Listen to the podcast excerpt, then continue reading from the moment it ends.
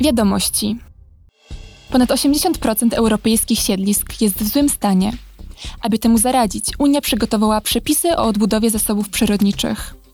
Jutro podczas sesji plenarnej parlamentu odbędzie się ostateczne głosowanie w tej sprawie. Zgodnie z nowymi przepisami państwa członkowskie do 2030 roku będą musiały odbudować co najmniej 20% obszarów lądowych i morskich. Do 2050 roku w dobrym stanie powinny być już wszystkie ekosystemy.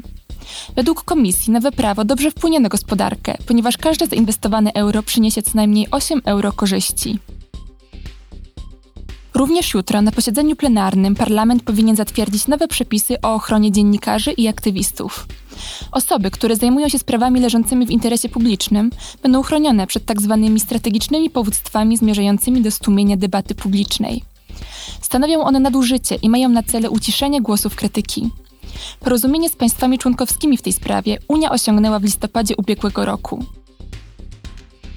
Parlament i Rada wybrały Frankfurt na siedzibę nowego unijnego Urzędu do Spraw Przeciwdziałania Praniu Pieniędzy i Finansowaniu Terroryzmu. Siedzibę urzędu chciało gościć dziewięć miast, które przedstawiły swoje kandydatury podczas wspólnych przesłuchań publicznych. Był to pierwszy raz, kiedy Parlament i Rada razem i na równych prawach wybrały miasto siedzibę unijnej agencji.